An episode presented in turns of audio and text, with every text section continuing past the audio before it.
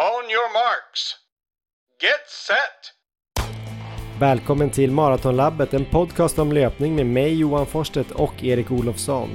I avsnitt 177 får vi höra Andreas Almgrens egna ord om superloppet på Barcelona halvmaraton och så intervjuar vi Sveriges snabbaste ultralöpare Micke Ekvall.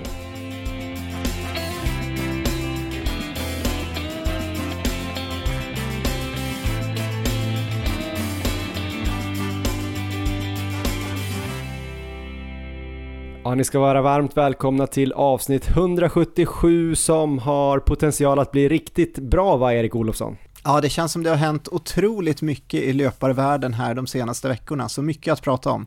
Ja, du skrev till mig häromdagen i ett mess att oavsett vad du och jag presterar i det här avsnittet så kommer det bli grymt. Eh, det beror såklart då på att vi har med oss två otroliga gäster, eller vad sägs om rekordslaktaren Andreas Almgren och det tidigare maraton s och numera ultrastjärnan Vänersborgs stolthet Micke Ekvall. Ja, mycket bättre uppställning än så kan vi inte få.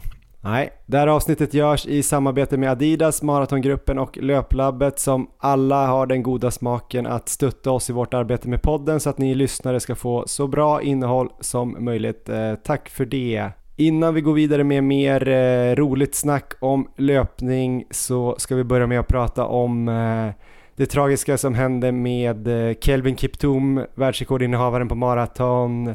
Han eh, gick bort efter att ha kraschat med sin bil hemma i Kenya. Erik, eh, väldigt sorgligt. Ja, det känns oerhört tragiskt. Jag har följt honom under de senaste åren och såg bland annat när han slog världsrekord på Chicago Marathon förra året. Det var en helt galen prestation. Han avslutade där andra halvan på 59.47 det hade precis meddelats att han skulle komma till start på Rotterdam Marathon i april och där skulle försöka ta sig under två timmar. Jag tror chanserna till det hade varit goda. Det som eh, kommit ut om hans träning är på en annan nivå än vad jag sett andra i världseliten göra. Han hade i uppbyggnaden inför Chicago bland annat flera veckor där han sprang uppemot 30 mil och då var det ändå mycket kvalitetspass inlagda. Hans tränare var till och med orolig att han skulle bränna ut sig för tidigt om han fortsatte träna på det sättet han gjorde. Tränaren som också var med i bilolyckan och tragiskt avled. Så en extremt stor talang, oerhört dedikerad och hårt jobbande.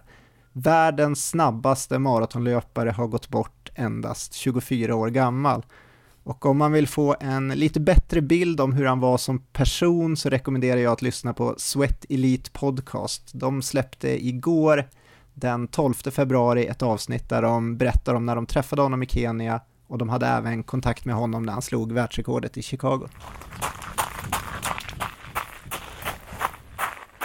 Ja, det är alltid svårt att gå från någonting väldigt sorgligt till någonting väldigt roligt, men vi måste fortsätta nu och prata lite om Andreas Almgren, Erik, eh, för det han gör nu och har gjort under ja, de senaste 18 månaderna kan man ju säga saknar väl ändå motstycke i svensk löparhistoria. Jag är ingen expert eller historiker, men det är ju helt unik att inneha de svenska rekorden nu på 1500 meter, 3000 meter, 5000 meter, 10 kilometer och halvmaraton. Eh, han gjorde ett otroligt lopp i Barcelona halvmaraton i söndags där han kom tvåa på 59.23, svenskt rekord med 1 minut och 54 sekunder. Nordiskt rekord med 24 sekunder och bara 10 sekunder från Europarekordet.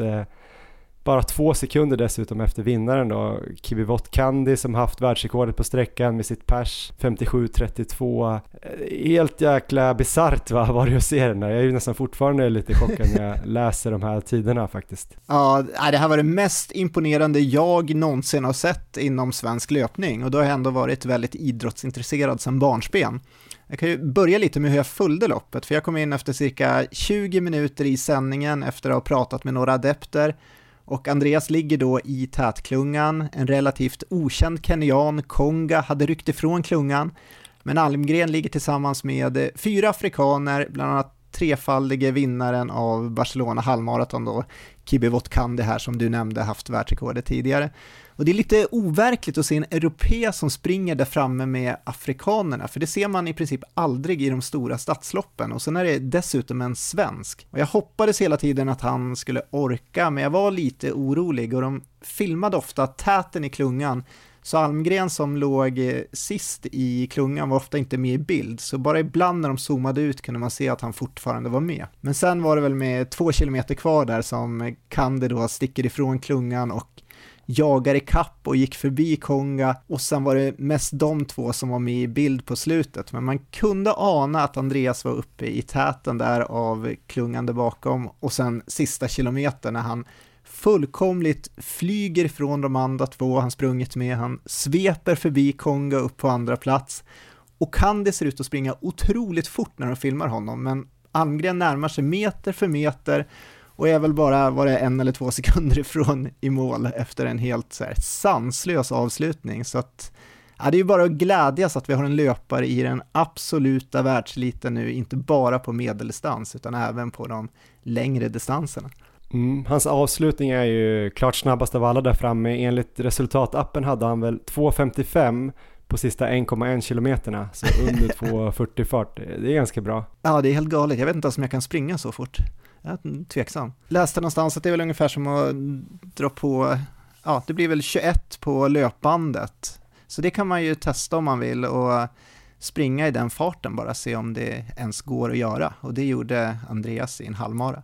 Ja men precis, det är nog snittet och han sprang ännu fortare där på slutet. Ja, precis. Ja, otroligt att se honom eh, ta sig an halvmaradistansen på det där sättet, att han höll hela vägen. Vi visste ju att det skulle bli bra, men så här bra vågade nog ingen hoppas. Eh, han själv hade i och för sig trott ungefär 59-30 skulle vara möjligt, men det var ju blåsigt också. Eh, jag tror att eh, Lorenzo skrev om 7 meter per sekund vid starten och sådär. Så att eh, ja, helt otroligt. Här kommer Andreas Almgren, eh, en intervju som är inspelad eh, några timmar efter loppet i söndags. Eh, han sitter i Barcelona. Jag sitter på ett lekland i Norrköping. Varsågoda Andreas Almgren. On your marks. Get set. Ja men då har vi med oss Andreas Almgren. Eh, jag är lite i chock. Eh, jag tror många i Löpa-Sverige är lite i chock. Eh, vi visste att det skulle bli bra, men så här bra vet jag inte om de vågar hoppas på. 59-22 på Barcelona halvmaraton. Hur mår huvudpersonen själv? Det känns ju såklart otroligt bra just nu. Jag hade ju på känn att jag skulle kunna springa en bra bit under 60 om jag fick till ett bra lopp. Sen var man ju lite tveksam på hur det skulle bli här nu med tanke på vinden och allt sånt där. Men jag kände mig stark genom egentligen hela loppet. Så det var ju bara att eh, försöka hänga på eh, i bakre delen av liksom, främre fältet helt enkelt. Var det helt självklart att du skulle gå med i, i första fältet där? Nej, eh, nu bestämde de sig för att liksom inte riktigt hänga med eller gå ut i den farten som hade beställts. För det var ju pace egentligen beställd 2,46 per kilometer som då skulle leda till 58,20 ungefär. Eh, och det hade jag ju inte velat gå med i. Men eh, det blir en avvägning där med att springa ensam eller att springa lite snabbare än man hade tänkt sig. Eh, och då tänker jag att då är det ju helt enkelt bättre att bara försöka ligga i rygg och så får man se hur, hur det liksom utvecklar sig helt enkelt. Och eh, jag kan säga att med typ, vad blir det, 3-4 kilometer kvar så låg jag femma i rygg på två andra. Och där och då kände jag mig väldigt stark. Så att, jag tänkte direkt att ja, men de här kommer jag ju kicka ner ganska lätt. Så jag tänkte, ja men tredjeplatsen har jag ju garanterat. Men sen så bara öste jag på vad jag kunde sista en, en och en halv kilometer ungefär. Då plockar man ju en till och nästan att man närmade sig Candy också. Mm. Hur långt hade du behövt till för att uh, vinna loppet? Alltså, det är svårt att säga. Jag tror ju att Alltså han är ju den näst snabbaste genom alla tider på halvmara. Eh, så jag tror ju att han förmodligen hade lite sparkapital om han skulle behöva. Det var ju prisbonusar för under banrekord på 58.53 och på under 58.30. Och han var ju inte riktigt eh, nära dem, så han hade ju egentligen ingenting att springa för förutom segern. Och då, jag tror att han hade kunnat kicka lite hårdare om han hade behövt. Men när du eh, var på jakt där på slutet då, vad kände du då Tänkte du både på placering såklart, men eh, hade du någon koll på uh, Europarekordet också? 59.13? Eh, alltså jag såg ju klockan, eller vad man ska säga, när jag var inne på upploppet. Och jag tryckte en del, men jag kände ju att alltså, nå ner till 59.13 hade jag inte riktigt koll. Eller det, det, hade jag inte riktigt möjligheten att nå. Eh, så det var ju bara liksom spurta för en så bra tid som möjligt. Det är ju det här med att hade man vågat gå tidigare så hade det kanske kunnat finnas lite mer. Men den sista kan det vara mellan 4,5 och 2 kilometer kvar ungefär. Så är det ganska öppet och var rätt rejäl motvind. Så då ville jag egentligen bara ligga bakom för att inte chansa med att jag skulle bränna ut mig. Eh, hade det varit bättre vindar där så hade man kanske vågat gå lite tidigare, men ja, jag ska väl förhoppningsvis kunna springa någon mer halvmara någon annan gång så då kanske man kan plocka det senare. ja, men hur var förhållandena då? Jag har läst lite om vind, men på vilken nivå var det? Alltså, på öppna delar så blåste det ganska rejält. Jag hade ett parti när det kom en, liksom en by från sidan så att mitt vänsterben blåste in i mitt högerben. Eh, så man snubblade till lite. Men det var ju bara på... Så, alltså, springer man inne i stan så är det oftast ganska vindskyddat. Och jag försökte springa smart och ligga bakom hela tiden så det kanske gynnade mig att få någon extra placering helt enkelt. Jag låg ju bakom för det mesta och han som kom trea låg ju och borrade solo större delen av andra halvan. Det kanske gynnade mig i slutändan. Det är en sak att ta ungefärlig koll på vad man kanske skulle kunna göra. Det låter som att du visste att du kunde springa en bit under 60, det är en annan sak att göra det. Hur, eh, hur gör du det Andreas? Nej, det kan man ju undra. Nej, jag, alltså jag har egentligen inte gjort supermycket. Alltså jag har ju tränat på som jag har tänkt. Jag har legat på strax över 19 mil i veckan nu på träningslägret där i Sierra Nevada. Jag har väl haft två lite mer förberedande pass. Ett som man skulle kunna kalla ett rent halvmarapass och ett som man skulle kunna kalla lite kombination halvmara tia. Men det är liksom, springer du halvmara, testa på att springa i lite du måste vänja kroppen med att springa lite längre och sen är det bara, är du bra tröskelstark så kommer det gå bra. Men ska du gå på längre sträckor än halvmara då kommer det in andra komponenter. Men upp till timmen där så då liksom, bra tröskel, det kommer man långt med. Jag såg inte dig hela loppet där på sändningen men hur gör du med energi under en halvmara? Är det någonting du, du tar? Jag, jag tog ingenting under loppet utan det viktigaste är ju att man fyller på så man har fulla men, glykogendepåer liksom dagen in, eh, liksom, man fyller på dagarna innan för att vara full där liksom. Sen tog jag en koffeingel liksom, precis innan jag gick till startlinjen.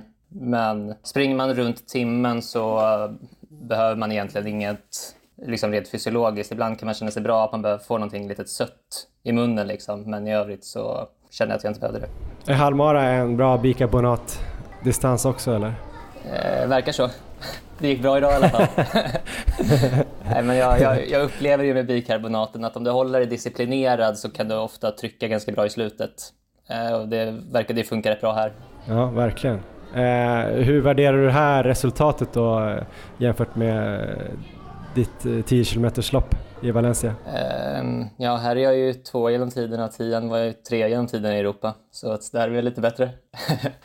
Nej, men eh, skulle säga att de är väl förmodligen ganska likvärdiga. Tian tycker att jag hade lite mer koll på egentligen ungefär var man står. Här var det lite osäkert också att jag hade ju varit på höghöjd nu innan och det är alltid lite svårt att bedöma form där. Eh, I Sierra Nevada så är det 2300 så du känner du ju ganska katastrof på alla pass där uppe.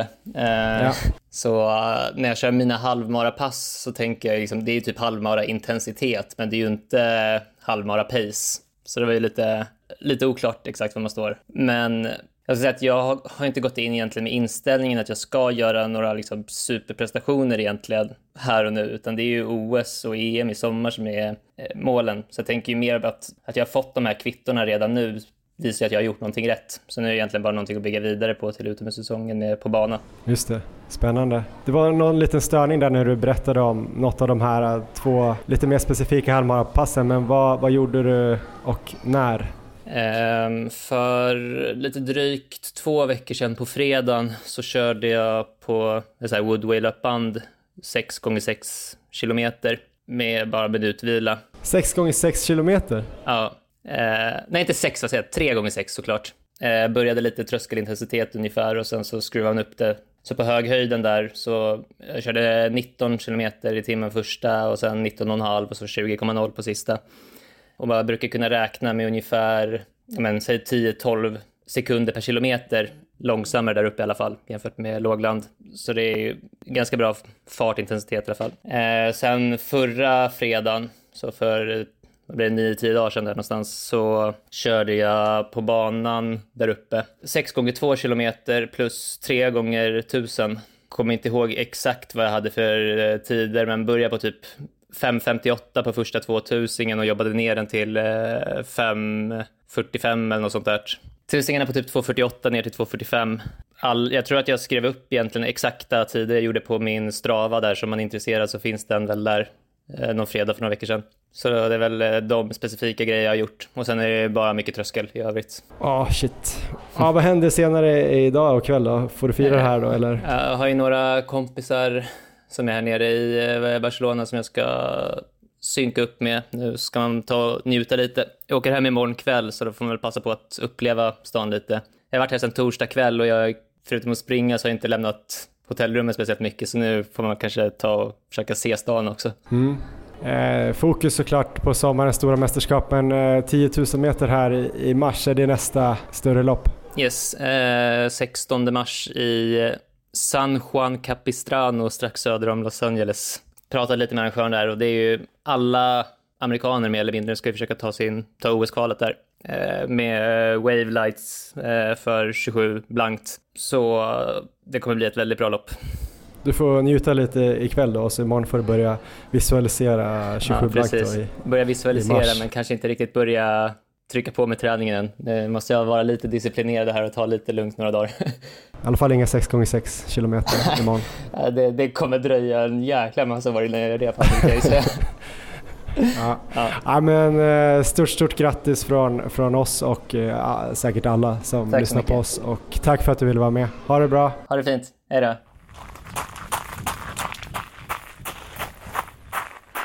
Ja, det där var alltså Andreas Almgren eh, några timmar efter loppet i Barcelona och eh, man tänker ju då lite efteråt hur snabbt skulle han ha kunnat springa i ett lopp utan vind, jämnare splittar, mer specifik träning mot slutet och en liten nedtrappning av träningen Erik. Eh, det här var ju hans första lopp på distansen. Det låter ju som att han har mer i sig. Ja, det har han säkert, men jag tycker att han presterar ett ett i närmaste perfekt lopp, liksom med, med tanke på att han ligger eh, i ryggar hela tiden i de här blåsiga förhållandena och sen så utnyttjar sina styrkor på slutet. Så att eh, eh, det, det, är klart, det hade varit kul att se honom eh, spurta till vinst där, om det hade varit 10 meter till, men eh, herregud, eh, det, det är ju helt fantastiskt bara att han eh, kommer två i ett sånt här stort lopp, så nära och på den här fantastiska tiden. Och det låter ju så självklart när han pratar om det, men det är så otroligt svårt att nå den här nivån han nu är på. Det är debut på distansen och han håller på att spurta ner den näst snabbaste på halvmaraton genom tiderna. Och då är ju Kandis 57.32 bara en sekund sämre än Kiplimos världsrekord. Och Kandi har även gjort eh, 26.50 på 10 km landsväg och 2.04 på maraton, så det är ingen dålig löpare och då är ju halvmaraton hans bästa distans. Så att, ja, bättre debut än så här kan man inte göra. Det är ju bara att säga ett stort grattis till Andreas. Nej men det är klart, det, det jag menar var ju mest bara att eh, det är spännande att det här kanske inte var liksom perfekta, perfekta loppet. Det här är ju inte hans huvudmål för säsongen, så han har ju inte släppt upp. Men det är kanske det som passar honom också, vem vet? Eh, men det ska bli kul att se eh, EM och OS här i sommar. Eh, bara just det där eh, som någon typ av referens. Det är ju inte att jag tänker att jag hänger ut de här andra löparna som också debuterade, men andra medeldistansare som debuterade på den här sträckan, det var ju, det här fick jag från Lorenzo, just den här britten då, en britt som heter Mark Scott som gjort 5000 meter sub 13. Han hade 62.06, är också svinbra ju, men det är långt ifrån Almgren. Eh, Simon Sundström var ju med, eh, VM-finalist på 3000 meter hinder, superbra löpare.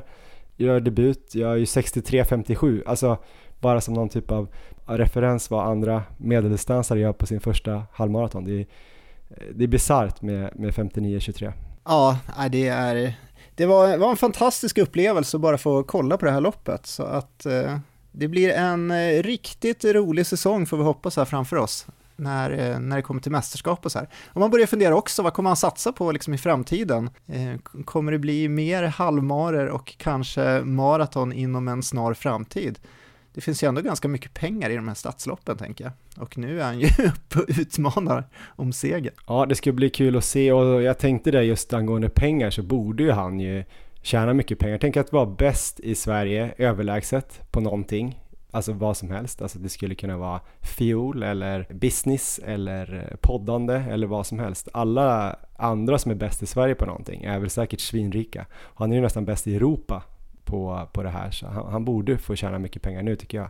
Om nu pengar är, är, det viktigaste här i livet, det tror jag inte att Andreas tycker. Jag tror att han vill, vill åstadkomma stora saker. Men förhoppningsvis får han ju pengar också. Erik, vi ska inte prata om pengar med dig, vi kan ju prata om eh, eh, din säsong. Kommer den bli, bli rolig och fantastisk och, och du kommer prestera bra i massa mästerskap? Ja, men jag hoppas det Johan. Jag är lite mer positiv idag än vad jag varit i de senaste avsnitten. För nu efter två månader med hälsenekänning och det har varit minimalt med löpning, massor med tröskelpass på cykel och styrka och tåhävningar i mängder, så kunde jag till slut börja springa nästan utan känning förra veckan faktiskt. Och vad som till slut har gjort skillnad är väl inte helt säkert. Jag tror ändå att de här excentriska tåhävningarna dagligen under den senaste månaden har hjälpt. Det fick jag ju där av min fysio som jag var och besökte och så har jag kört strikt med det. Jag har fått veta att nya forskarrön inte kunnat upprepa de resultat som de första studierna gav, så nu finns det tydligen andra metoder som sägs vara minst lika effektiva. Men för mig tror jag det här har hjälpt. Och sen så, eh, vi hade ju ett samtal här för, det var väl två veckor sedan kanske, när du berättade lite om eh, hur du hade blivit av med dina hälseneproblem och att du helt enkelt hade börjat pusha smärtgränsen lite mer och springa på ändå. Det var väl lite så eh, som det... Jag tror det var lite så du tolkade det, ja. men eh, det var väl framförallt att jag tror att eh, jag gjorde ju några ultraljudsundersökningar och var ju på väg att eh, boka tid även för sån här skrapning ett tag. Alltså att man skulle skrapa bort eh, blodkärl i, i hälsenorna. Det är väl sån här um, kärlinväxt som antagligen mina problem kom ifrån då, eller min smärta att eh, det var liksom um, ja, men kärlinväxt i, i hälsenorna och det kan man ju antingen ta bort genom att man skrapar eller så finns det de som sprutar in ett medel som på något sätt binder ihop det där på något sätt. Sklerosering kallas det ju för och jag var ju då till slut in, inom sjukvården i Stockholm då och gjorde ultraljud. Jag tror jag gjorde tre ultraljud under ett, Eh, ett halvår där och jag hade ju även eh, så att jag fick gå till den här eh, sportkliniken i, på Sabbatsberg och träffade en gammal OS-läkare. De gjorde ju då ett ultraljud när jag kom dit som sa att de såg att det var kärlinväxt men att det inte var så himla på sån nivå just då så att de skulle spruta in eller göra sklerosering utan de sa ju så här, men spring under sommaren.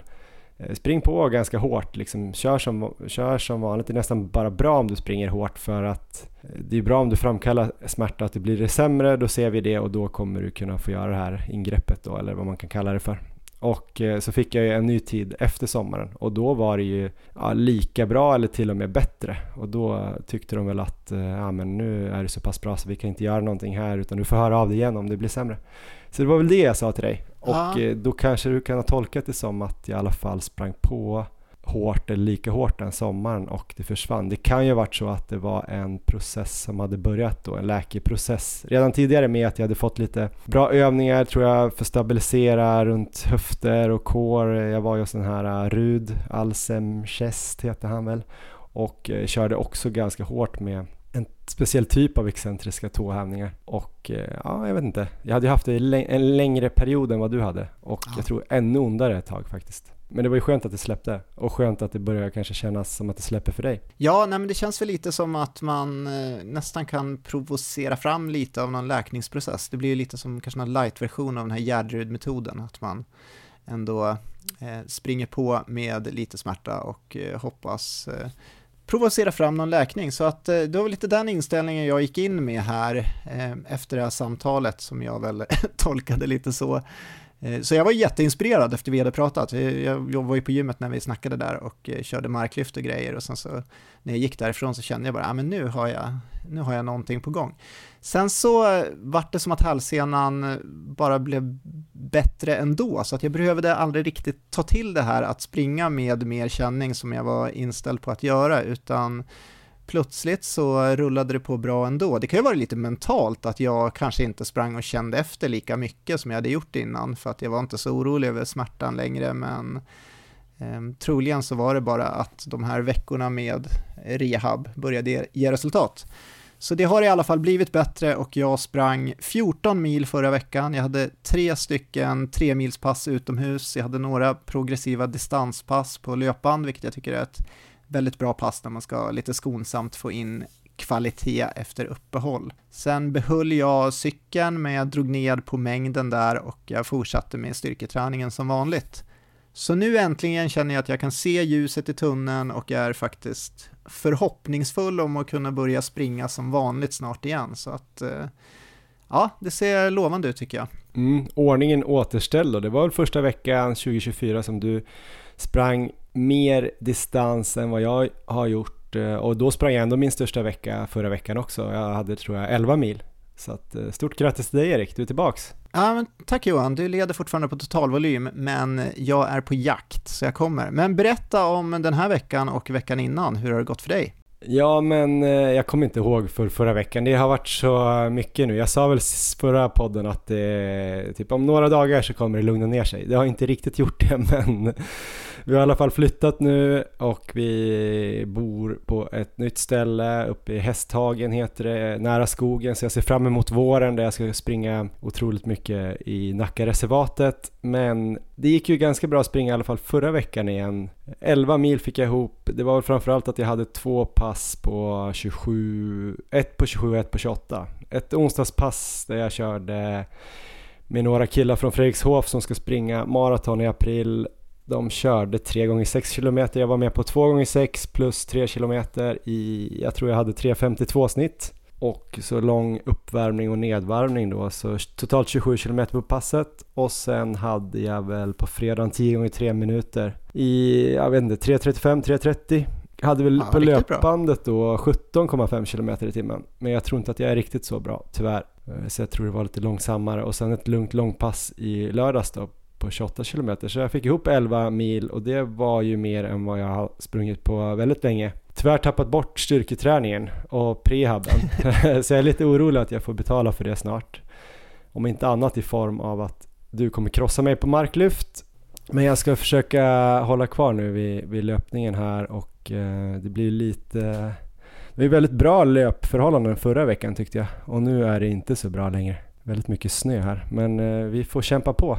Ja, känner du sliten nu när du kommer upp på de här högre volymerna? Nu har du kommit upp där vi har velat ha dig här Eh, under en, en, period. Hur känns det liksom i slutet av en sån här vecka och eh, om vi tar efter det andra långpasset till exempel, hur känns kroppen? Jag var ganska sliten på uh, lördagen under det långa passet och efteråt och slutet av det passet faktiskt så att uh, det var nog uh, ganska bra på gränsen ändå. Det var inte så att jag var tvungen att ligga ner resten av dagen eller så men jag kände mig ganska tom och ganska seg i benen. Det spratt inte direkt men eh, jag fick i mig ganska bra med energi direkt efter och eh, tog det hyfsat lugnt den dagen så att ehm, jag kände ändå under söndagen då som är min vilodag att jag återhämtade mig och eh, igår kände jag mig riktigt bra här i måndags men jag hann inte springa på grund av att vi var på resande fot så att jag hoppas att jag kommer kunna göra ett kanonpass idag. Jag tror ändå jag skulle kunna ligga där någonstans. Grymt jobbat!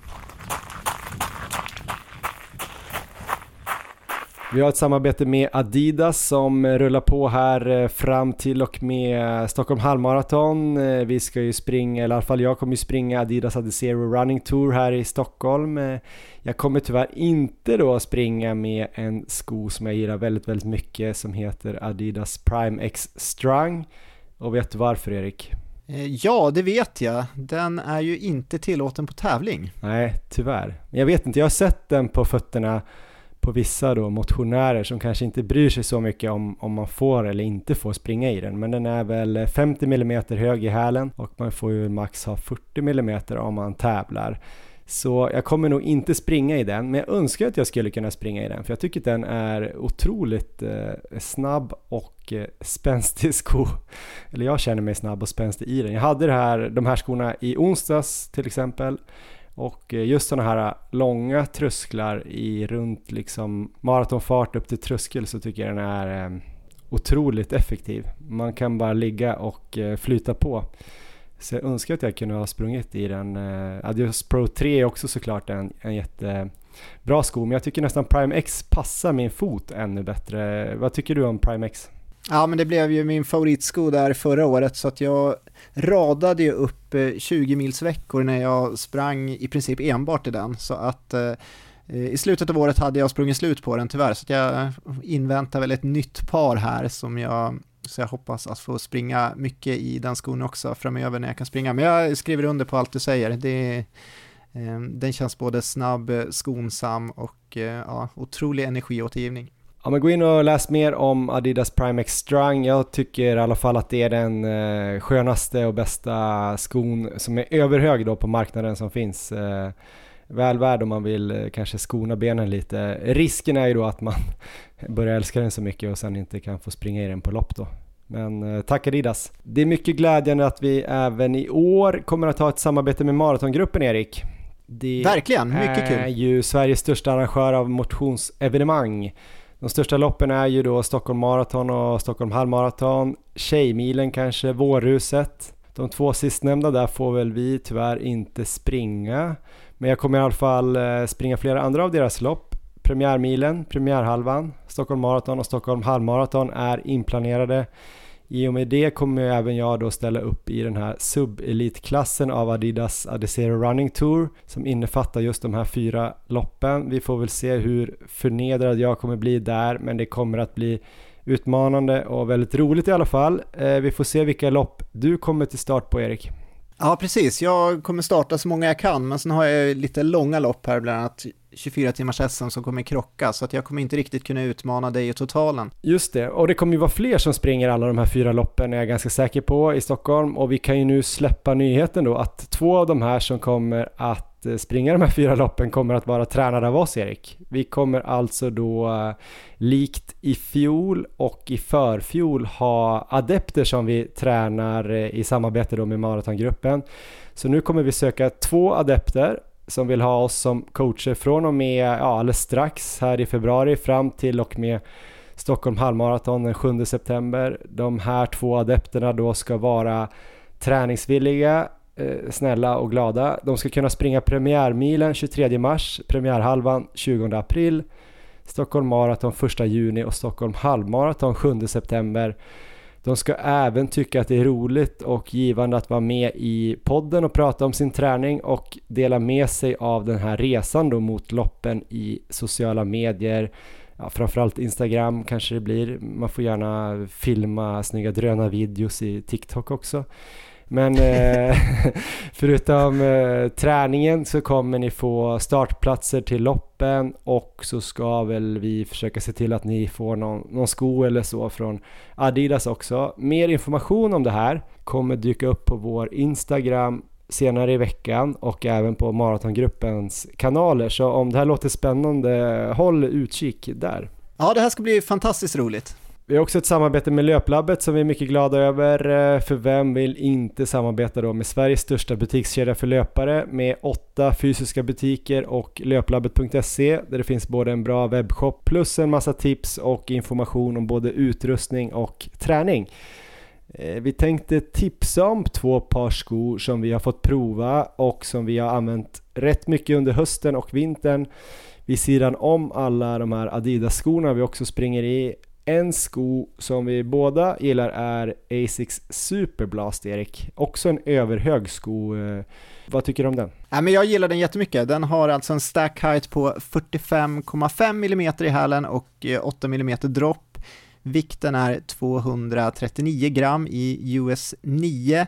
Så att det inte heller här är alltså en sko för tävling utan endast för träning. Och det står i beskrivningen trampolininspirerad yttersida för energifylld löpning och precis så är känslan. Väldigt bra energiåtergivning. Men den känns ändå väldigt stabil trots den här stackheighten, den är inte alls vinglig.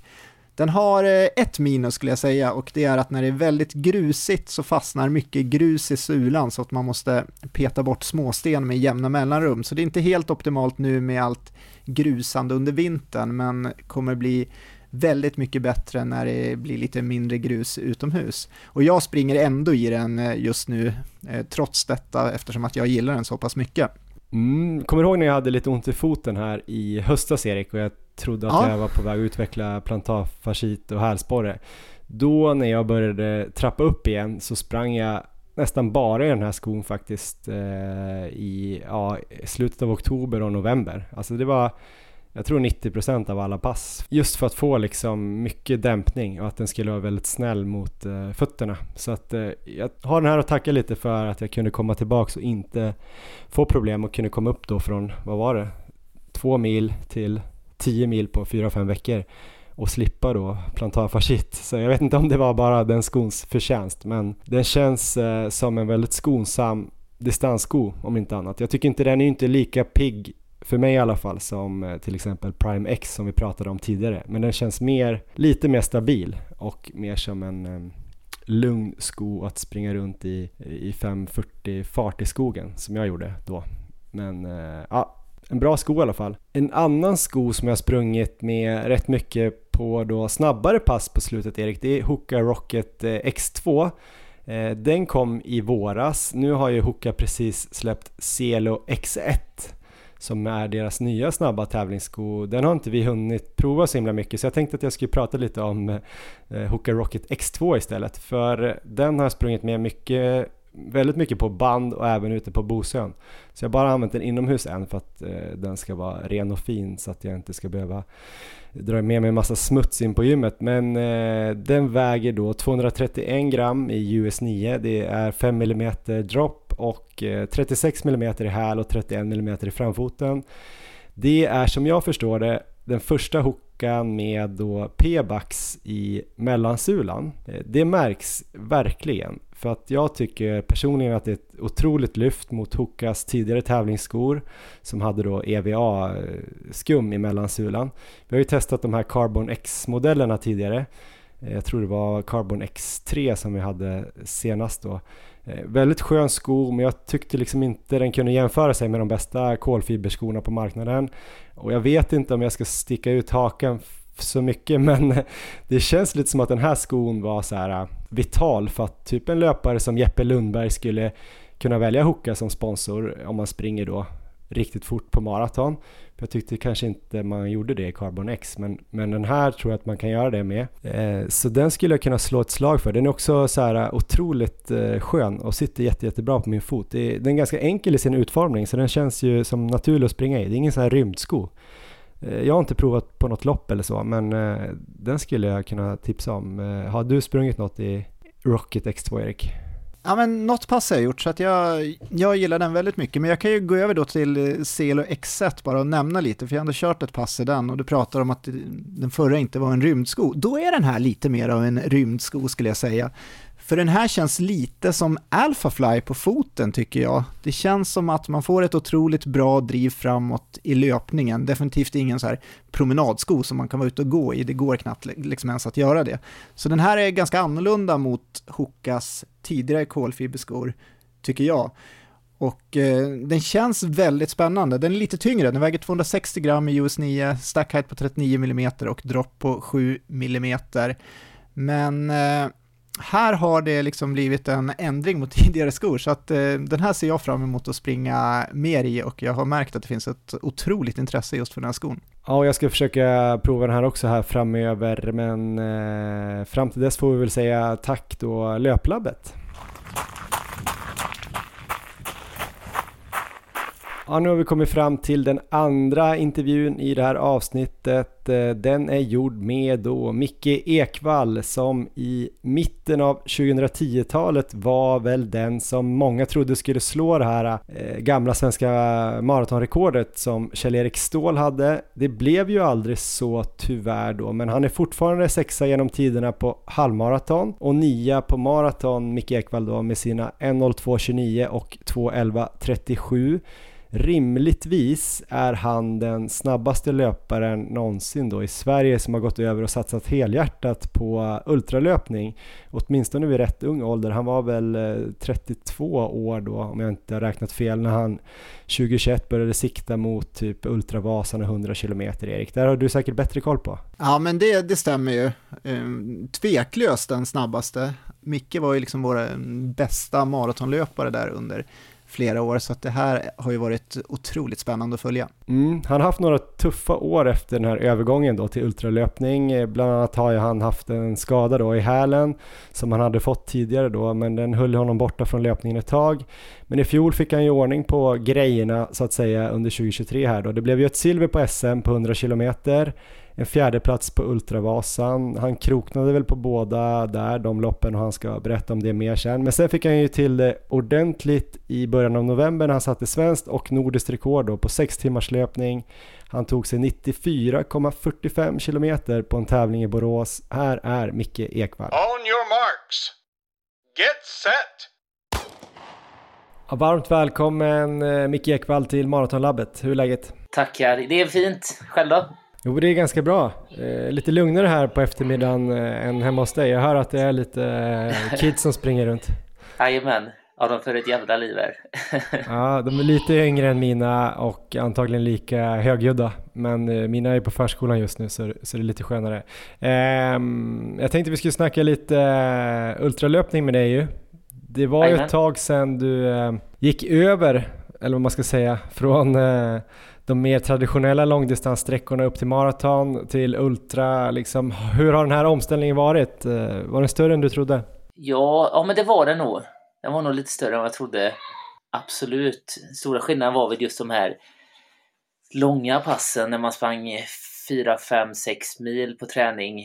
Så i början kändes det väldigt eh, mentalt jobbigt. Och, men nu liksom så känns det mycket lättare att göra en femmilare och, och eh, mentalt och kroppsligt och sådär. Så det känns som jag kommit in i det bättre nu då.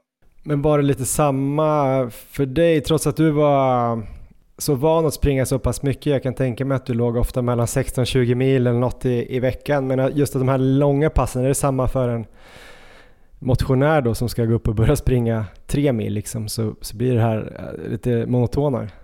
Ja men det är väl det. Det är väl det på något sätt. Och, ja, jag tränar nog mer förr nästan emellanåt än vad jag gör nu. Men eh, hårdare och mer egentligen. Men jag gjorde inte de här långa passen. Det var väl det som... Eh, det är väl en stor skillnad kanske. Annars då, hur har det varit att liksom eh, börja springa med den typen av tävlingar och jämföra sig med, med mer ultralöpare sådär? Nej men det är kul att, att ha nya målsättningar och liksom eh, jag var lite trött på, på friidrotten liksom och ville göra någonting annat. Ja, det här banlöpning och maraton och, och då kände jag så här, nej, jag behöver göra någonting nytt liksom helt enkelt och då, då funkar det bra liksom. Och jag, jag hade haft det i tankarna länge då att eh, någon gång, någon gång ska jag testa. Yeah. Så så det var inget svårt val så. Nej, men känns det som att du liksom har, har trappat ner eller känns det som att du har bara bytt bana så att säga? Eh, ja, alltså det, livet är ju annorlunda nu liksom. Nu, nu jobbar jag mer. Jag har liksom sämre ekonomisk stöttning och sådär än vad jag hade förr. Och så har jag barn och familj. Så jag har en familj och, som jag måste se till att ja, jag måste ha lite tid med dem och, och så måste jag ja, jobba så vi får in lite pengar och sådär. Förr var det ju bara mig själv att tänka på. Då var det lite lättare att bara köra på liksom med träning och så. Men det var självklart att du ville fortsätta springa på liksom högsta eh, svenska nivån och sådär? Ja, alltså när det var lite motigt i början och sådär. Jag fick skada med hälen och sådär. Då, ah, det är klart man tvivlar ibland och tänkte, fan ska jag lägga ner skiten och bara jobba och liksom, eh, ja, sådär. Alltså när jag jobbade och vi byggde hus och hälen gjorde ont som fan och jag väntade på den jävla operationen och eller jag väntade på att huset skulle bli färdigt så jag kunde göra operationen och ja, då tänkte jag, då var jag liksom, då var jag ju, funderade jag liksom ibland om det var värt det. Men det gör vi ju allihopa ibland, tänker jag. Ja, det tror jag vi gör. Det är kanske sunt att fundera ibland. Men vad var det som gjorde att du ändå fortsatte då? Nej, det är väl någon jävla beroende man har. Man liksom, eh, ja, fan, det är, livet är ju inte, det är ju fan inte roligare för att man eh, jobbar 40 timmar i veckan och inte behöver eh, springa liksom. Man mår ju gött av att hålla igång och sådär. Det känns ju som att du eh, verkligen älskar löpning, alltså att du har en stor eh, inre drivkraft. Ser du dig liksom att du kommer hålla på att springa tills du är liksom 80-90 eller tills du ligger Ja, men jag tror jag alltid kommer springa eller liksom cykla eller se till att jag rör på mig. Det, annars så behöver man någon annan skit som, inte, som är ännu sämre. Så jag får nog hålla, hålla mig till det. För det är jag väl ändå rätt så bra på också, tänker jag. Ja, verkligen. Eh, länge här eh, var ju du den som eh, många trodde skulle slå det här gamla svenska maratonrekordet från Kjell-Erik Ståhl. Det blev aldrig så. Finns det liksom någon saknad efter den tiden och att inte springa maraton längre på den nivån? Nej, det gör det inte sådär. Jag är inte sådär nostalgisk och tittar tillbaka sådär ofta och sitter aldrig och kollar i fotoalbum och så. Nu, nu är det, nu tänker jag på SM och sen när jag sprungit SM så om det går dåligt, då släpper jag det rätt snabbt. Går det bra så släpper jag det också rätt snabbt och så börjar jag tänka på nya grejer och ja, så det är väldigt sällan jag liksom ältar eller tittar tillbaka och sådär. Om man tänker lite mer om skillnaden då, det är ju såklart eh, längre då att springa 100 km än maraton, det är nästan tre gånger så långt om man tänker tidsmässigt. Eh, vilka liksom förmågor är det som skiljer främst tycker du? Vad har du fått jobba hårdast med? Ja, nej men när jag började liksom, eh, jag blev ju skadad med Håglunds hälar och fick operera och sådär. Så när jag sprang mina första lopp där så, så tror jag det var liksom brist på kilometrar i kroppen innan. Men det har väl varit mycket det här, det blir ju lite mental, det, lång, det mentala liksom att man, man håller på så jävla länge liksom. Så, så det, det är väl framförallt det skulle jag säga. Har du ändrat någonting, eh, förutom träningen då som vi kom in på senare, men något annat? Typ, eh, har du liksom ändrat löptekniken för att liksom hålla längre distanser eller, eller tänkt något sånt? Nej, ingenting. Ingenting jag är, jag är dålig på sånt också, så här, och nörda ner mig och sånt. Jag bara... jag gillar bara att köra liksom. Så det var en omställning typ med energin och sånt. Det var också en jävla omställning, för det var jag ju liksom tvungen. I början så tänkte jag, ah, vad fan, det är inte så jävla noga. Det ordnar sig. Jag, jag dricker väl när jag blir törstig typ. Men eh, det har jag förstått att liksom, jag, får skärpa, jag har fått skärpa mig där och som tur var så hade jag Simon där på Umara som, som hjälpte mig. Just det. Ja, jag läste precis att du kissade svart både efter SM på 100 och Ultravasan här i somras. Ja, precis. Och då tänkte jag i början, ja, det, det ska väl vara så, men sen förstod jag att det, ja, det är inte så jävla bra när man gör så. Så, så då blev jag lite orolig. Så det var då, det var då jag liksom sa, ja, jag får nog snacka med Simon där och ja, så det blir ordning på grejerna. Mm. Jag gör ju podden här med en av Sveriges bästa löpare på 24 timmars, Erik Olofsson. Och eh, inom eh, kanske framförallt då 24 timmars och, och längre ultra sådär så är det mycket snack om styrketräning just för att liksom tåla de här stötarna länge. Är det någonting som du har eh, fokuserat på mer? Jag anar ju redan nu svaret, men har du kört någon mer styrka när du körde kortare löpning? Nej, alltså jag körde mycket styrka förr gjorde jag. Då körde jag två gånger i veckan när jag höll på med maran och 10 000 och så. Och då, så då körde jag en gång körde jag vikter och, eh, och en gång i veckan körde jag core. Men eh, alltså nu, jag, jag hinner fan inte. Jag, jag fokuserar på att köra så många mil som möjligt i veckan. Och sen, sen jobbar jag ju som målare så det, jag tycker det är så här, fan jag behöver färg bort och fram och yeah. lyfter tapetmaskiner och ja, så jag tänker så här, jag får rätt bra styrketräning där tänker jag.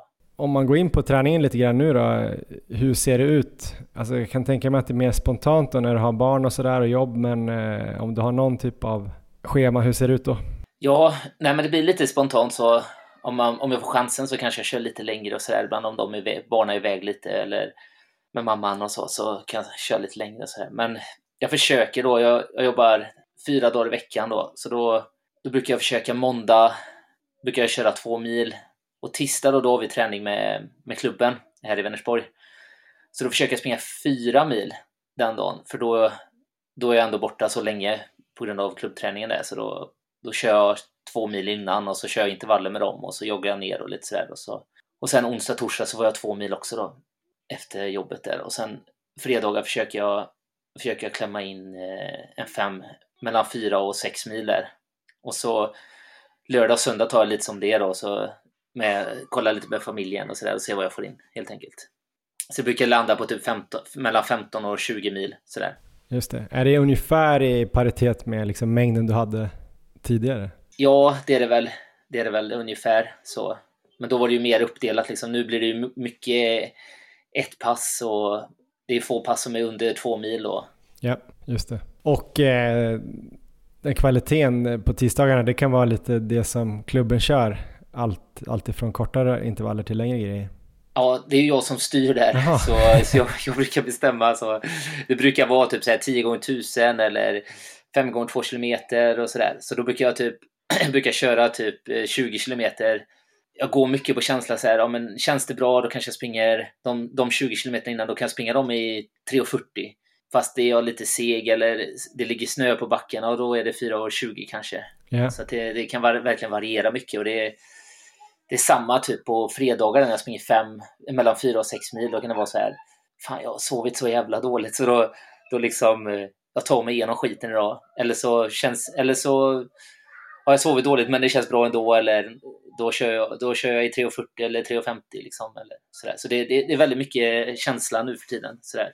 Förr var det mycket mer struktur och det var träningsschema och liksom, ja, mycket mer förutbestämt. Så. Men är det samma på de här måndag, onsdag, torsdag? Att du kan köra lite, lite snabbare eller långsammare eller håller du ner farten då? Nej, det kan vara likadant där. Det kan vara jag, jag, väldigt sällan under fyra minuters fart. Det, det händer väldigt sällan. Utan jag försöker ändå så här att ja, men tisdagar och fredagar ska ändå förhoppningsvis vara lite hårdare då. Så, yeah. så det är väl min tanke. Liksom, lite. Alltså min tanke med träning är egentligen att jag, jag vill att det ska hela tiden att jag ska ligga mellan 15-20 mil vecka ut, vecka in, vecka ut, vecka in och så tänker jag att det är så jag alltid liksom har tänkt med min träning att om jag tränar bra vecka ut och vecka in, inte för hårt, inte för lätt, utan jag hamnar precis rätt där, då blir jag bra. Mm. Sen om jag liksom med åren så har jag liksom kommit på att ja, men är jag lite seg, ja men kör lite lugnare då så att jag kan upprepa det ändå nästa vecka och att jag kan, så liksom det är väl min tanke liksom att gör jag någonting mycket och länge så, så blir jag bra på det. Mm. Du har väl fortfarande ett samarbete med, på något sätt i alla fall, med Mats Eriksson och jag har hört att du fått tips även från Rune Larsson, gamla ultralegenden där. Vad ger de för input? Eller tycker de att du borde göra på något annat sätt? Eh, nej men jag tar ju egna beslut och liksom eh, sen så, så snappar jag upp det som jag pratar med Rune om och, och Mats och sådär. Och det är gött att ha dem och, och kunna bolla lite med och sådär. Och, eh, ja. och Mats, framförallt Mats, liksom, han, Mats har ju varit med mig han har varit med mig längre än min fru liksom, så han är ju han är nästan lika viktig som min fru. Så, så han får hänga med några år till, om, så länge jag satsar tänker jag. Men finns det någonting de tycker, eller Mats tycker att du borde göra mer av just för Ultran här? Nej, Mats pratar mycket om eh, han, tror att, han tycker jag ska träna mycket tävlingsfart då. Ja. Pratar han mycket om. Och det har jag ju också tagit åt mig och försöker. Men det är ju som jag säger, så där, ibland... Ah, fan, det, nu har det varit mycket snö och sådär liksom. Så, så jag försöker inte stressa heller liksom, utan ah, springa och liksom pressa mig och springa runt och halka och sådär. Ja, jag försöker undvika det där och liksom... Jag försöker hela tiden undvika att liksom stressa mig själv i, i träningen och fan, är det snöstorm en tisdag liksom? Ja, då tar jag mig igenom skiten och så eh, samma på fredagar liksom. Men hur är eh, skillnaden på, på dig nu och när du var, alltså för några år sedan då, 2020 gjorde du ju en jättebra mara, men om du gör 10 gånger 1000 nu och har en bra dag, bra underlag, är det, är det långt ifrån farten det var då? Eller? Ja, det är det. Ibland kan jag bli lite sådär, bara helvete vad långsam jag har blivit.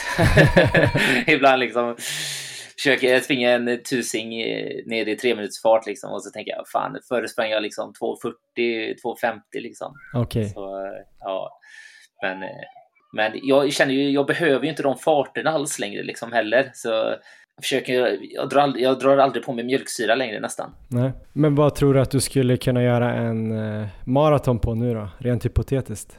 Oh, jag vet inte du, jag vet inte fan, men eh, borde väl kunna ändå 2.20 kanske. Okej. Okay. Tycker jag. Men eh, det ska ju vara, jag tänker EM, eh, när de ska ha EM i maraton där, så hade det varit lite kul att se om man kan ta sig med där. Just det, nu?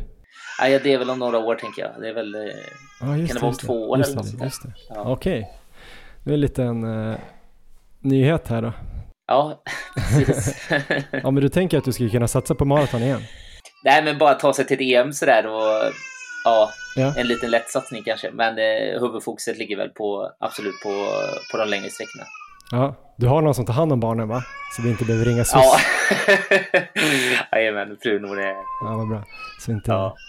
jag ställer till med något. Men ehm, om vi går in på lite tävlingar då. I, I fjol gjorde du ju några intressanta starter där det blev jättebra i den sista starten som vi kommer komma in på. Men eh, det var väl inte dåligt i de andra heller. Men det var väl ganska tufft där om vi tänker SM 100 kilometer. Det var varmt, det var på en galoppbana eh, runt, runt. Eh, Erik var ju där, han såg dig i sista tre milen. Du kämpade på där. Hur, hur kändes de sista tre milen där, fysiskt och mentalt? Ja, nej, det var... uff, vilken... Eh, det var ett helvete alltså den eh, SM där. Det var, det var varmt, det var... Ja, nej men det var som jag sa, jag, jag var inte liksom... Jag tog kanske inte energin riktigt på allvar. Ah, Jag tyckte jag tog den, alltså jag, jag försökte ju få i mig typ 90 gram. Ja, Men eh, virra bort mig någonstans där med, jag, jag vet inte alls vad jag liksom, hur mycket jag fick i mig liksom eller... eh, Och sen så, jag tror jag drack för lite, ja jag drack ju definitivt för lite vatten. Ah, Jag var, jag var liksom sliten fyra, vid fyra, fem mil liksom. Var jag ja ju rätt sliten. okej. Så det var, ja det var, det var oerhört tufft. Men, eh, men eh, det var lärorikt också och liksom, eh, ja men jag tror jag behövde det här året med de här tre ultratävlingarna där. Men vilka erfarenheter har du, har du främst tagit med dig då? Är det just det här med energi? Eller finns det Ja. andra saker också? Nej, men framförallt energin tror jag. Ja, jag reflekterar inte så mycket.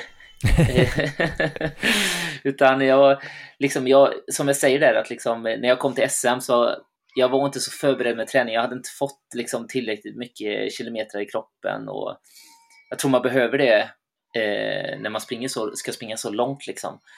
Så jag känner att det är en väldig skillnad och hoppas att det är en väldig skillnad nu, nu då från då. Ja, men du fick ihop det ordentligt där i, på slutet av hösten där.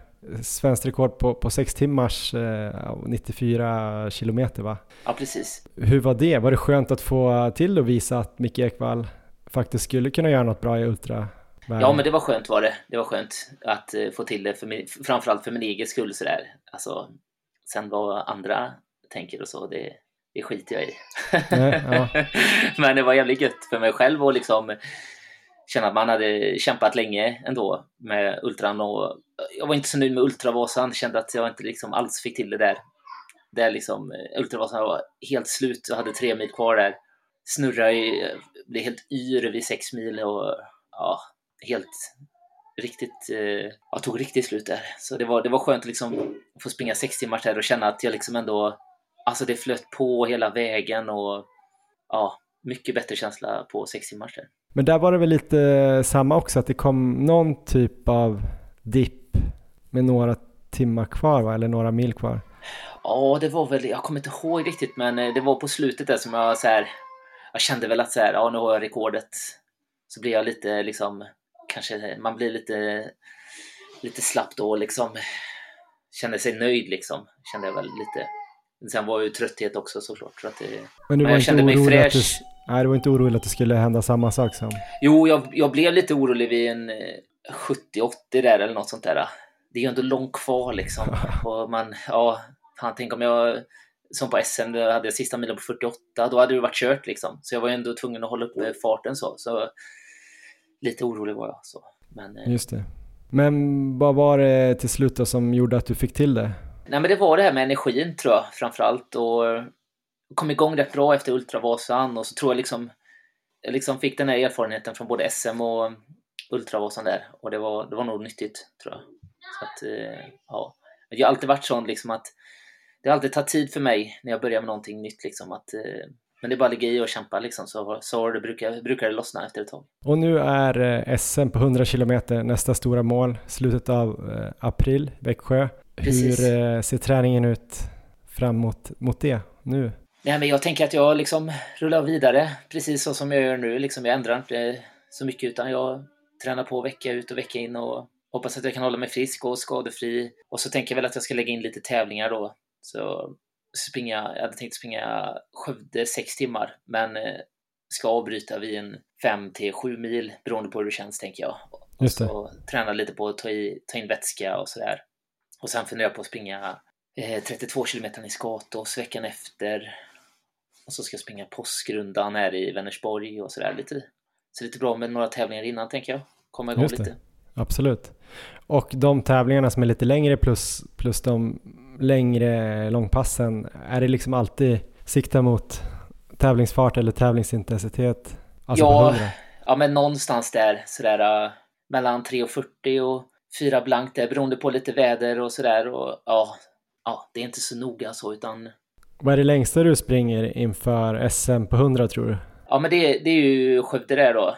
Ja. Om jag tar mig sju mil där kanske, så blir ja. nog det det längsta.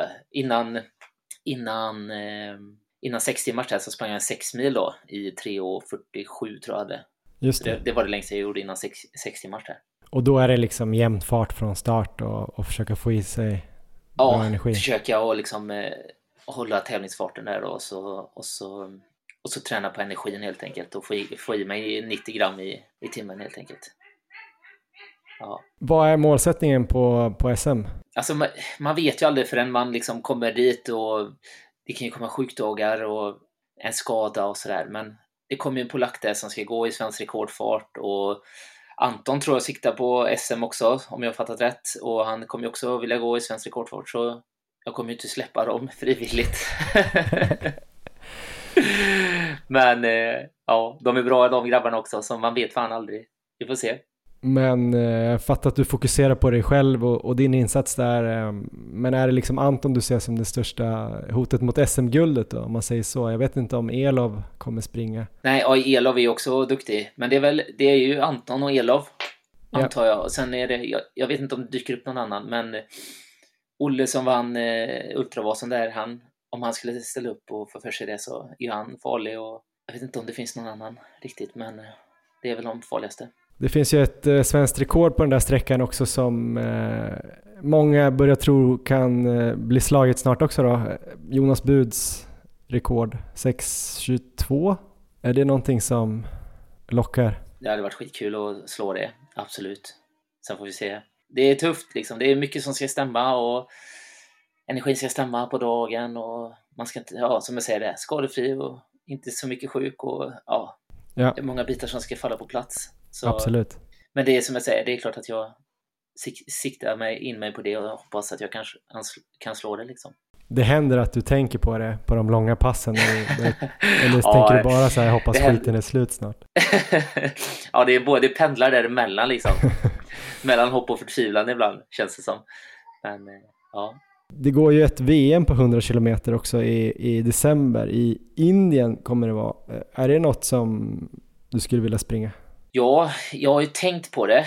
Eh, det lutar väl åt att jag ändå känner att jag är taggad på det. Mm. Eh, kul. Ja, så det, det blir kul. Men det är ju lång resa och sådär, så ska man vara borta från familjen och sådär. Så man, ja.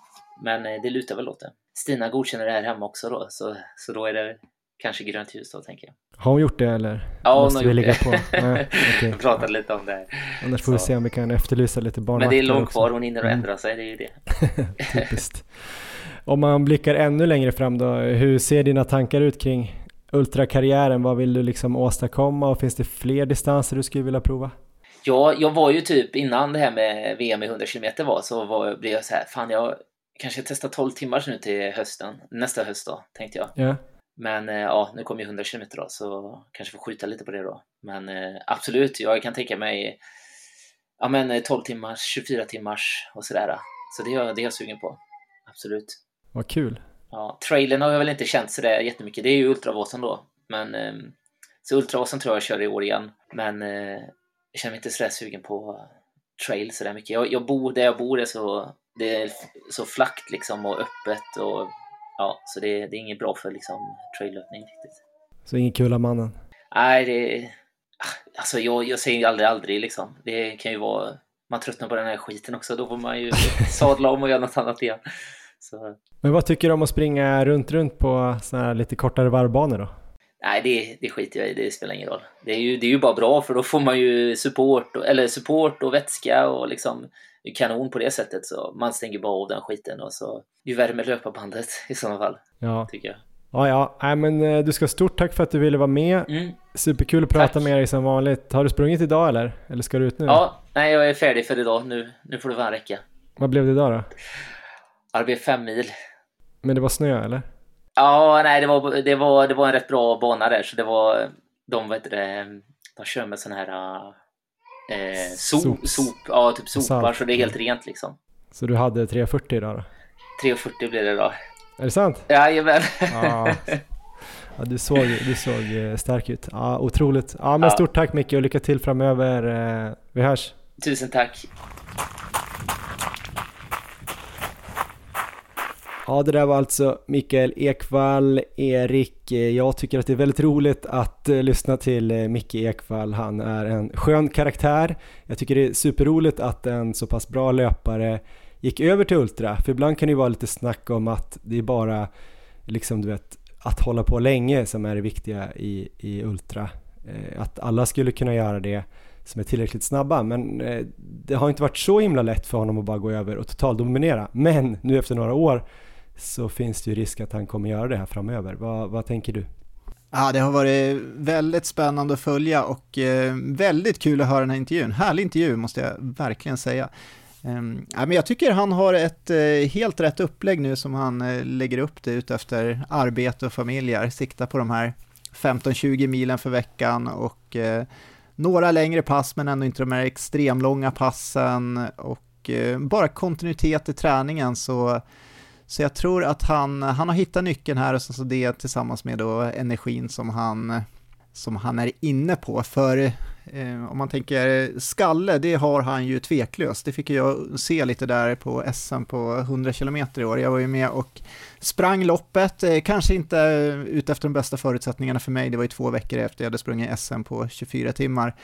Men jag var ju så sugen så att jag sprang, sprang med där, sprang halva loppet och eh, innan jag bröt så sprang jag med Anton och Micke där i, eh, ja det var väl ett drygt varv där på galoppbanan i alla fall och eh, då såg han väldigt stark ut, väldigt fokuserad och jag tycker han höll i otroligt bra sen i värmen, även om det liksom inte var kanske den nivån då som han riktigt hade hoppats på så så kändes det redan där som att nu har han liksom ändå börjat hitta nyckeln till att verkligen lyckas på det här. Ehm, och sen så, det svenska rekordet är ju helt otroligt där på, på sex timmars och det var ju inte perfekta förutsättningar på något sätt när han sprang det loppet så att eh, ja, det blir spännande på SM nu. Vi har ett otroligt starkt eh, svenskt potentiellt lag här till VM och eh, Micke är ju definitivt en av de som kommer utmana om det svenska rekordet här, det är jag övertygad om. Ja, och det man kan säga också är ju att det här eh, rekordet han tog då på 6 timmars 94,45 kilometer är då 3.48 snitt och eh, Jonas Buds då rekord 6.22,40 någonting är tror jag snitt på 3.49 så att om man kan hålla det där då i 5,5 kilometer till då har vi ett nytt eh, svenskt rekord på 100 kilometer i slutet av april om inte då Anton Gustafsson springer ännu snabbare. Vad tror ja, du där? Det är, inte all... alltså, det är inte alls omöjligt. Anton är ju också hur bra som helst och han genomför ju helt eh, sanslösa pass på löpan. Går man in och följer Anton Gustafsson där på Strava så kommer man ju få lite av en chock om man inte har sett det förut. Men både han och Ekvall har ju oerhörd potential, alltså Elov också såklart om han, han kommer till start på SM, vi får väl se vad han väljer att springa. Men sen har vi också Piotrowski då från Polen som eh, Micke nämner där i intervjun och han har ju också, tror jag, den här potentialen. Han har väl sprungit lite över 6.30 tidigare men eh, jag tror de där tre kommer säkert springa ihop, precis som eh, Ekvall är inne på i intervjun i början, så att det blir ju ett helt, an helt annat upplägg än när han sprang sex timmars loppet och fick göra allt själv. Här kommer han ju um, kunna springa säkert i en klunga där under ganska lång tid och sen får vi helt enkelt se vem som är starkast. Det blir spännande att följa där på plats nere i Växjö. Ja, det kan bli en trevlig helg. Jag tror nästan att, nu är det ju både att du ska springa 24 timmars då och slå svenskt rekord, Ja. det är jag som säger. Och sen då har vi Ekvall mot Anton då och kanske Elof som då både om SM-medaljer och svenskt rekord på 100 kilometer. Så här, det är nästan så att jag kan börja sälja in det här typ till eh, Elmer och Alve snart, att det är så pass eh, intressant helg att man borde åka ner och följa med mig ner till Växjö eh, och kolla på det här. Man kanske kan slänga in något lekland där i, i mixen på, på lördag eftermiddag eh, när du bara går som tåget och de har sprungit klart 100, 100 kilometer så kan man kanske dra iväg lite grann på badhuset eller något. Ja, så kan ni tälta bredvid banan där, det kan nog vara mysigt tror jag. Det brukar ju barn gilla. Just det, jag har snackat länge om att jag och Elmer ska ut och tälta så han kanske kan köpa det. Finns det någon liten skogsdunge där som vi kan kalla för skogen? Ja men det gör det. Sen ligger det ju ett slott eh, precis bredvid som numera är ett hotell. Så vill du sälja in det för Emma så kan du säga att ni ska på slottsweekend. Just det. Det tror jag, tror jag kan funka. Ja men det låter bra Erik, det blir en rolig helg som sagt. Ehm, framöver här då närmast Erik, vad händer? Ja, närmast väntar två övergångsveckor för mig. Jag kommer trappa upp löpningen men inte extremt, så jag kommer försöka ligga på 10-15 mil i veckan. Jag kommer behålla två till tre cykelpass i veckan men inte de allra tuffaste. Det blir kanske 5 gånger 8 minuter tröskel istället för 10 gånger 8 minuter. Och sen kommer jag fortsätta med styrketräningen och tåhävningarna även om jag kanske nöjer mig med varannan dag istället för varje dag. Och nu väntar också sportlovet för Leon och då brukar han få ledigt hela veckan och vi brukar göra en massa aktiviteter. Så det lär också bli flera dagar helt utan träning. Men efter de här två veckorna så planerar jag att trappa upp träningen rejält och då blir det fullt fokus för mig på SM i 24 timmars i Växjö. Och det är det loppet som motiverar mig mest just nu. Jag känner att jag har revansch att utkräva efter sjukdomen på VM och startfältet i år ser ut att bli sanslöst starkt. I princip alla de bästa svenska löparna är med plus Englands bästa på distansen. Och det gör ju att det känns eh, lite extra roligt i år då det kommer krävas oerhört långa distanser för att vara med och slåss där i toppen, vilket jag siktar på att göra. Själv då Johan, vad, eh, vad kommer du ha för dig? Jag kommer att eh, försöka få en bra struktur här in mot Berlin halvmaraton. Jag tycker att jag har eh, inte riktigt fått till det så till punkt och pricka som jag hade tänkt. Eller det känns som att eh, jag är en liten loose cannon på något sätt. Att jag kanske hoppar på lite pass. Jag håller uppe volymen ganska bra. Så att jag ska inte vara så himla missnöjd och eh, hård mot mig själv. För jag har ju sprungit ganska mycket ändå. Men jag känner väl ibland att det blir lite så här att jag får springa det jag, det jag lyckas få till. Alltså lite som det lät som Micke Ekvall, fast han sprang ännu mer än jag. Men alltså att han liksom får ta sina chanser på något sätt. Och jag gillar ju när det är väldigt så här eh, strukturerat, att det finns någon tanke bakom hela tiden. Och att jag vet vad jag ska göra hela veckan. Nu har det blivit lite mer att jag har fått, eh, som sagt då, eh, ta bra pass när jag har fått till dem, så, så att säga. Men nu är det ju knappt åtta veckor till Berlin halvmaraton, så jag känner att jag vill ha en plan. Så jag ska försöka se om jag kan strukturera upp träningen lite grann. Jag skulle vilja komma igång lite mer med, med styrketräningen också, för jag tror jag behöver den på sikt för att hålla ut och träna bra här och även få då lite mer styrka och spänst i steget. Eh, det brukar vara viktigt för mig. Så det är väl det som är mitt eh, fokus just nu. Så jag kan inte säga exakt vad jag ska göra. Jag har ju tänkt att köra min sån här eh, tre veckors eh, metoden där då med två tröskelveckor och sen kanske man bryter av då med en eh, en vecka där man kanske kör lite mer utmanande pass för att träna på det också och eh, kanske nå lite längre bort än sina mentala gränser och fysiska gränser. Vi får väl se där. Man märker nu att eh, för halvmaraton eh, så är det ju otroligt viktigt att kunna springa bra runt tröskel. Det visade ju Andreas Almgren. Han hade ju bara två då mer specifika pass kan man väl säga. Och innan har han väl bara rullat runt på sina vanliga typ dubbeltröskelveckor så att får jag till mycket Många pass runt eh, tröskelintensitet men kanske i olika farter då. Runt eh, 10k-fart, lite marafart, lite längre intervaller i marafart och eh, sen en del pass då in mot loppet i, i 3.33 fart som just nu känns ganska snabbt. Så kan det kanske bli bra. Vi får väl se jag tycker vi, vi kan ju nämna det passet igen där som Andreas pratade om. Det var alltså 6 gånger 2 km plus 3 gånger 1 km, lite progressivt. Jag var inne och kollade på hans strava och då såg det ut så här på 2 km. 5.58, 5.57, 5.54, 5.51, 5.48, 5.45 och sen var det 3 gånger 1000 på 2.48, 2.47, 2.45 och det man kan se är att han springer otroligt snyggt progressivt hela vägen, så han startar lite lugnare, om man nu kan kalla de här farterna lugna, de är ju helt sanslöst snabba, men det går hela tiden lite snabbare för varje intervall, väldigt imponerande upplägg. Och jag tror att eh,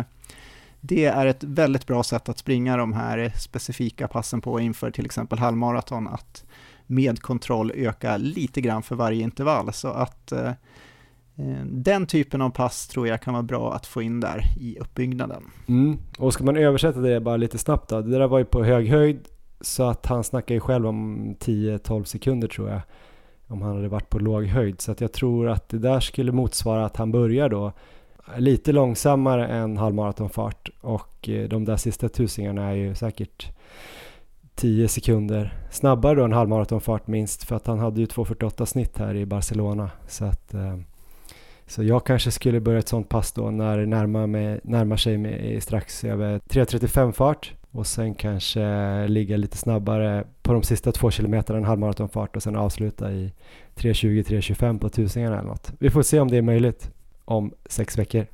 Ni får höra mer om det i podden om ni följer oss där. På Instagram kan man också kika hur vi tränar. Där heter vi Maratonlabbet och där får ni då också hålla utkik om en, eh, ett inlägg om efterlysning av två adepter. Kolla även Maratongruppens kanaler. Våra personliga konton, eller vad man ska kalla dem, är erik.olo och Johan Forstedt. Ni kan också följa oss på Strava om ni vill se hur vi tränar. Eh, skriv gärna en recension av podden och ge oss ett betyg eller ännu hellre prata gott om podden med era löparvänner. Det hjälper oss att nå ut till ännu fler lyssnare och göra ännu bättre podd. Och eh, Erik Olofsson, du får ha en eh, fantastisk period här fram till nästa avsnitt så hörs vi om två veckor. Det är samma Johan, lycka till med träningen.